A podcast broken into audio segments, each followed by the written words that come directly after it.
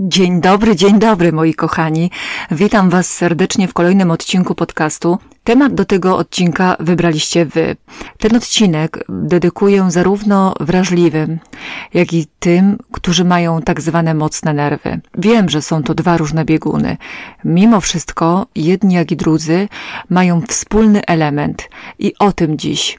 O tym, co potrafi łączyć, jak i dzielić, co jest źródłem nieplanowanych zachowań, co bywa impulsywne i irracjonalne, co jest przyjemne i mniej przyjemne, w co jedni wierzą, a inni wyśmiewają. Są tacy, co czują bardziej niż ktokolwiek inny i ci, którym wydaje się, że nic nie czują. Prawda jest taka, że wszyscy je mamy i bez nich nie istnieje człowiek. O czym będzie dziś? O emocjach. Często spotykam się ze stwierdzeniem, że to po prostu pierdoły i kto by sobie nimi głowę zawracał. Nie musisz sobie głowy zawracać, to one zawrócą twoją głową, a właściwie ciałem. Pchną cię w kierunku, w którym nie chciałeś iść. Bezwiednie pobiegniesz. Niczym głodny pies złapiesz to, co pod ręką, wszystko, byle poczuć chwilową ulgę. A one, nieprzyjemne, niechciane, niezaspokojone, wciąż będą wyły najgłośniej jak się da. Jak z nimi pracować, jak je uciszyć, czym są emocje, o tym będzie ten odcinek. Dlaczego dietetyk ma mówić o emocjach? Dlatego, że często je zajadamy, świadomie albo mniej świadomie. To dlatego warto wiedzieć więcej na ten temat, bo czasem to jest studnia bez dna, a jak końca nie widać, nie widać, nie widać, to co będzie widać? Wzrost kilogramów oczywiście, to wiemy. Niby jesteś na diecie, może nawet masz plan i teoretycznie się go trzymasz, jednak przychodzi taki dzień w życiu człowieka, w którym nagle dostajesz tak zwanego małpiego rozumu. Szaleju się najadłeś, łapiesz to, co pod ręką, nawet nie wiesz, ile właśnie wciągnąłeś w ostatniej minucie. Tysiąc kalorii, znowu zjadłem tysiąc kalorii, tego, co męczy, tego, co boli. Pragnę wspomnieć, że wszystko, o czym dziś będę mówić, jest jedynie moją perspektywą. Ja nie jestem specjalistką od emocji, nie ukończyłam magicznego kursu, który dałby mi uprawnienia do uczenia lub nawet w ogóle mówienia o nich, nawet w tym podcaście.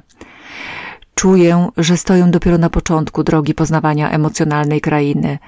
Do tej pory jedynie targały mną, miotały jak chciały, w lewo, za sekundę w prawo, na hurra, jak najgłośniejszy huragan w dziejach ludzkości.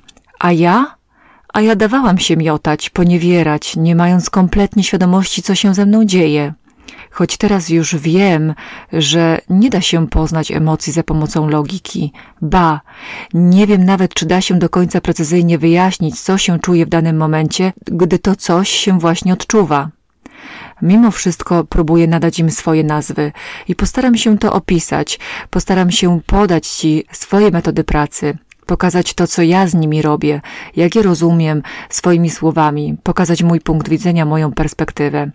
Może ona stanie się dla Ciebie inspiracją, jakąś zachętą do samopoznania. Ten obszar emocji, bagatelizowany, wyśmiewany, naznaczony piętnem, odpychany, wypierany, zaniedbywany, stanowi ważną część Twojego ja. Możesz się z tym nie zgadzać. Możesz nawet teraz, gdy słuchasz tych słów, odczuwać, hmm, no właśnie, co teraz czujesz? Złość, a może lekką jedynie frustrację. Niezależnie od tego, jak bardzo nie chcesz uznawać ich istnienia, one tam będą. Są nieodłączną częścią Twojej natury.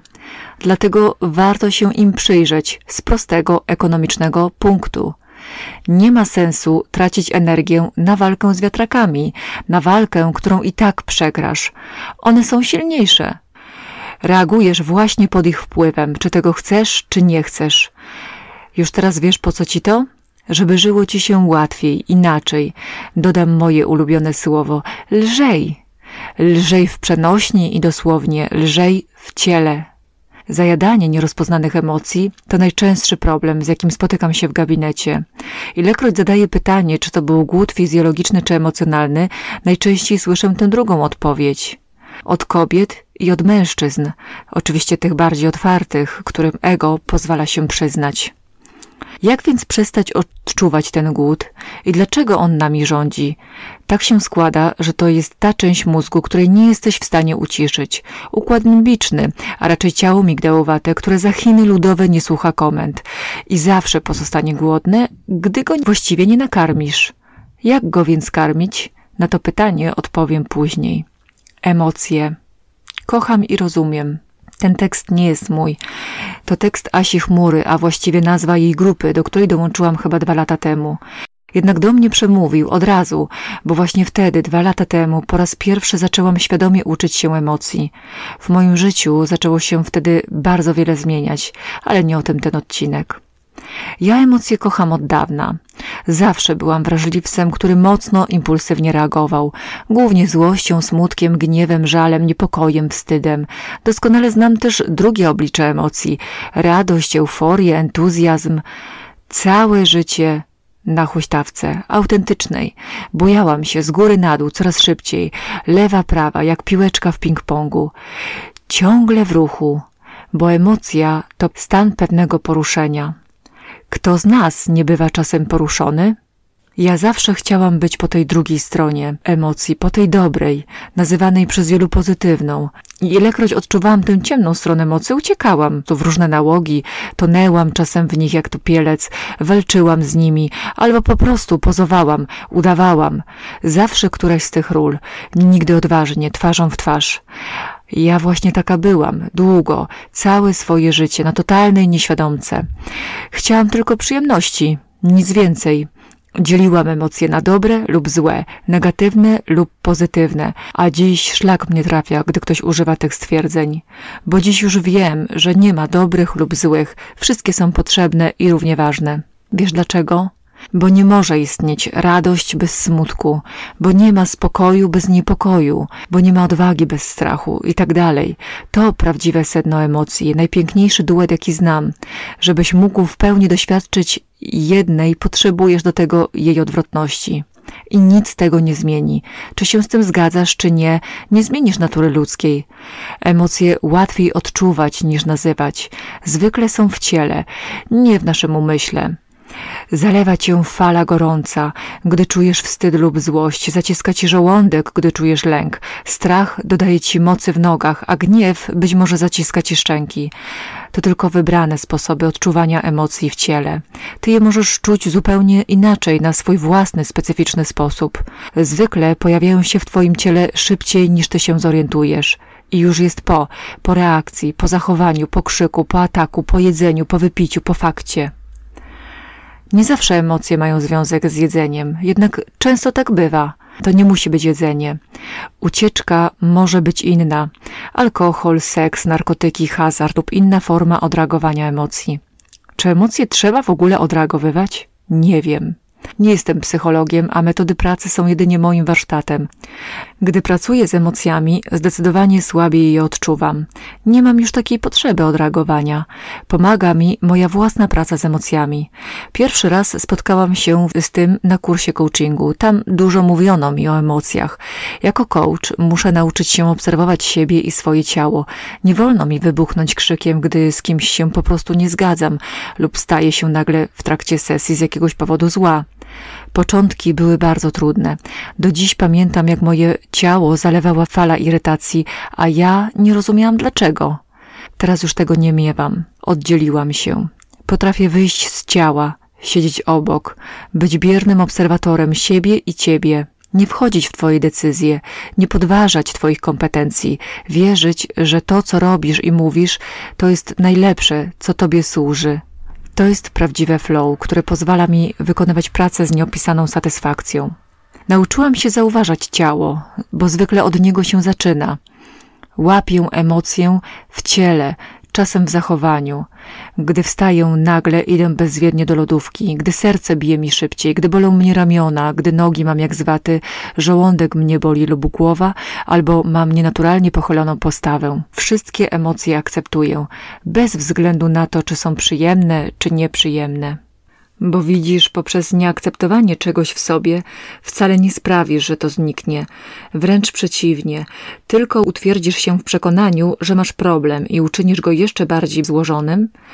Okazało się, że osoby, które regularnie negowały, wypierały swoje emocje, znacznie częściej miały problemy ze stresem bo negowanie emocji wymaga dużych nakładów energii, nawet jeżeli robimy to nieświadomie. Emocje prawiają nas w ruch kierują naszymi działaniami. Gdy tylko zrozumiemy, dlaczego czujemy się tak, a nie inaczej, zbliżamy się do rozwiązania naszego problemu. Problem pojawia się wtedy, gdy nie akceptujemy tych emocji, postrzegamy je jako złe i czujemy się źle z tym, co aktualnie czujemy. Trudno ci będzie odkryć pełnię smaku banana, gdy pijesz koktajl bananowo-truskawkowy. Analogicznie trudno ci będzie odkryć pełnię sensu i znaczenie swojego smutku, gdy jesteś zły na siebie za to, że się smucisz. To, co odczuwasz jako emocje, to są wiązki chemiczne, które są wydzielone przez narządy w Twoim ciele. Jeżeli w danej chwili odczuwasz więcej niż jedną emocję, to zarówno dosłownie, jak i w przenośni tworzysz tak zwany koktajl emocjonalny. A żeby zrozumieć frustrację, musisz mieć pełny dostęp do czystej frustracji a nie do frustracji, która jest zmieszana z jakimś poczuciem winy czy złością. Potęga akceptacji właśnie na tym polega. Akceptowanie emocji wcale nie znaczy, że się na nie godzisz. To nie znaczy, że one mają z tobą zostać, a ty nic z tym nie zrobisz. Zaakceptowanie emocji oznacza uznanie jej istnienia, powiedzenie do siebie ok, odczuwam złość, odczuwam złość i akceptuję ten fakt. To podstawa do tego, żeby pójść krok dalej i zastanowić się nad tym, co ta złość dla nas znaczy i skąd się w ogóle wzięła, z jakim przekonaniem albo z jakim myśleniem jest związana, kiedy się pojawia, a kiedy nie. No i co możesz z nią zrobić?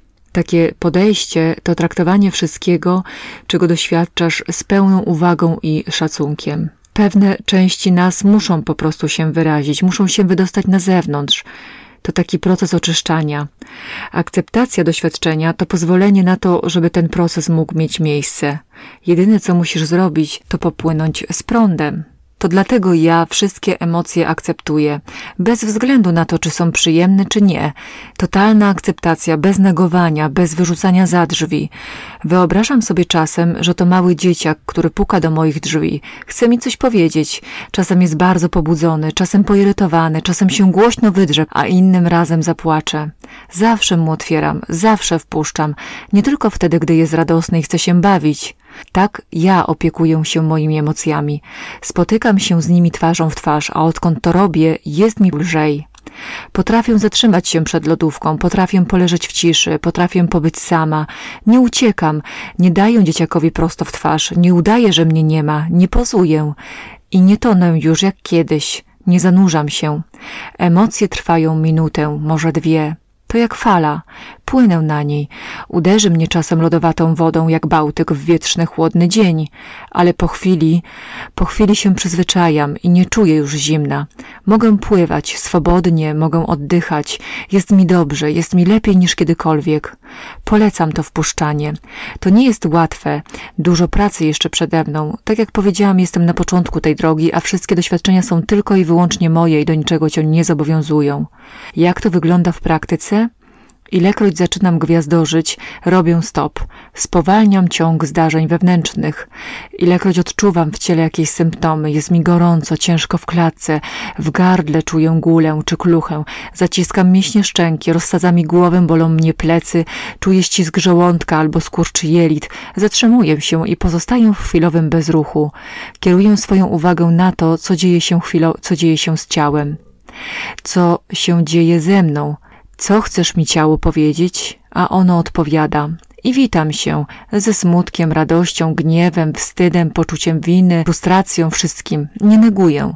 Czasem nadaję im skalę. Jeden bardzo słaby smutek, dziesięć bardzo silny smutek. W praktyce na co dzień prawie nie zauważam tych lekkich do czterech. Nie wymagają one ode mnie jakiegoś zatrzymania, specjalnej oceny, analizy. Płyną sobie swobodnie przeze mnie. Najtrudniejsze są te najsilniejsze. Od piątki w górę. Szczególnie 8, 9 i 10. Te wymagają przestawienia się na stan slow, powolutku, najwolniej jak się da. Oddychaj, obserwuj, jak rozpływają się w tobie. Wyobrażam sobie czasem je jako jakąś postać, jakąś rzecz. Powtórzę jeszcze raz, mimo wszystko wiem, że to minie, niezależnie jak jest bardzo nieprzyjemne teraz. Odejdzie, jeśli tylko to zauważę. To tacy niewidzialni sprawcy zdarzenia. Jak je rozpoznajesz, uciekają. Na początek zacznij od tego, gdy zauważysz jakieś wzburzenie, energię czy brak energii, bóle w ciele, nieprzyjemne jakieś coś weszło ci po prostu w klatkę, nogę czy palec, skieruj swoją uwagę tam. Zadawaj sobie pytanie, co się dzieje, co czujesz. Otwieraj im zwyczajnie drzwi. Nie odpowiadaj zdawkowo, czuję się dobrze lub źle. Nie dawaj sobie uśmiechniętej buźki czy smutnej minki. Wydrukuj najlepiej tabelę z emocjami i heja. Próbuj je poznawać, nazywać, akceptować. To jest uznawanie ich istnienia. To jest karmienie. Nic więcej. Nie musisz otwierać lodówki, żeby je zajeść. Masz jedynie zajrzeć do środka siebie, odczuć je w ciele, zapytać z jaką nawiną przychodzą. Tylko tyle lub aż tyle. Jednak gdy to zrobisz, zobaczysz, jak szybko zamykasz drzwi lodówki, jak nie będziesz potrzebował jeść, nawet nie będziesz odczuwał tego głodu, głodu emocjonalnego. Ja w gabinecie od niedawna korzystam z kart z obrazami i, naz i, nazwami emocji. Odkąd zaczęłam ich używać, znacznie poszerzyła mi się perspektywa rozpoznawania i nazywania. Warto korzystać ze wszystkich dostępnych źródeł. Dla mnie dużą inspiracją była Brené Brown, Joanna Chmura, Ewelina Stępnicka czy Michał Pasterski i wiele, wiele osób, których nazwisk nie pamiętam, wykładowcy SWPS, których słucham w podcastach. Dużą inspiracją są również spotkania z wami w gabinecie. Uwielbiam tę pracę właśnie z tego powodu, że możemy się uczyć od siebie samych, możemy siebie poznawać.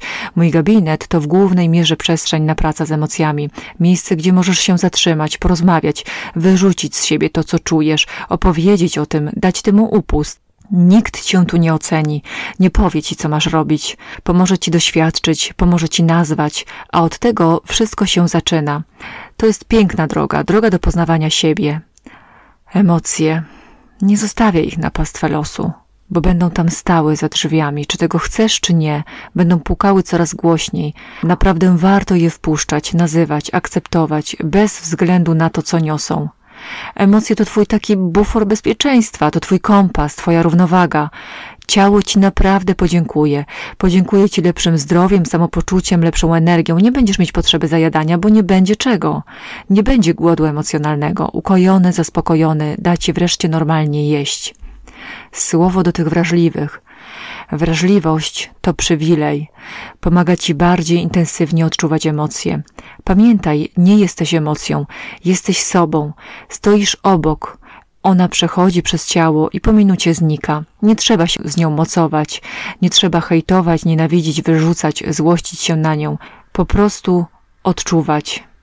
Jeżeli masz tę zdolność odczuwania silnego, to się ciesz, Wykorzystaj ją, gdy masz głębszy emocjonalny moment. Możesz pisać, malować, śpiewać, tańczyć, grać, robić coś, co pozwoli ci tę wrażliwość w danym momencie wyrazić. Ja piszę i nagrywam ten podcast. Słowo do twardzieli. Pod stalową powłoką ty też masz emocje. Czy tego chcesz, czy nie? Gdy zrobisz im dziurkę, taką malutką, zaczną wychodzić z ciebie, a pod tą stalową maską zrobi ci się po prostu luźniej. Mniej ścisku oznacza więcej powietrza, więcej oddechu, więcej życia. Sam zdecyduj, czy tego chcesz. I na koniec słowo dla tych, którzy zajadają emocje. Gdy nauczysz się zauważać emocje, akceptować je, urwie się talina, która łączy cię z jedzeniem. Wiem, brzmi jak jakaś magia, ale to właśnie takie magiczne w praktyce okazuje się być jest więcej spokoju, więcej uważności, więcej luzu, swobody, przestrzeni.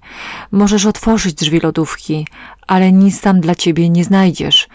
Będziesz potrafił zatrzymać się przed nią, zerknąć na ciało i odejść, by otworzyć inne drzwi, za którymi jest być może właśnie jakaś emocja? Pełna zgoda na odczuwanie wszystkich emocji jest chyba kluczem. To długa, trudna, czasem żmudna droga nieraz bardzo wymagająca, nie zawsze idealna. przyjdzie być może do ciebie taka chęć, żeby to wszystko rzucić i zjeść po prostu, to nic. To zjesz.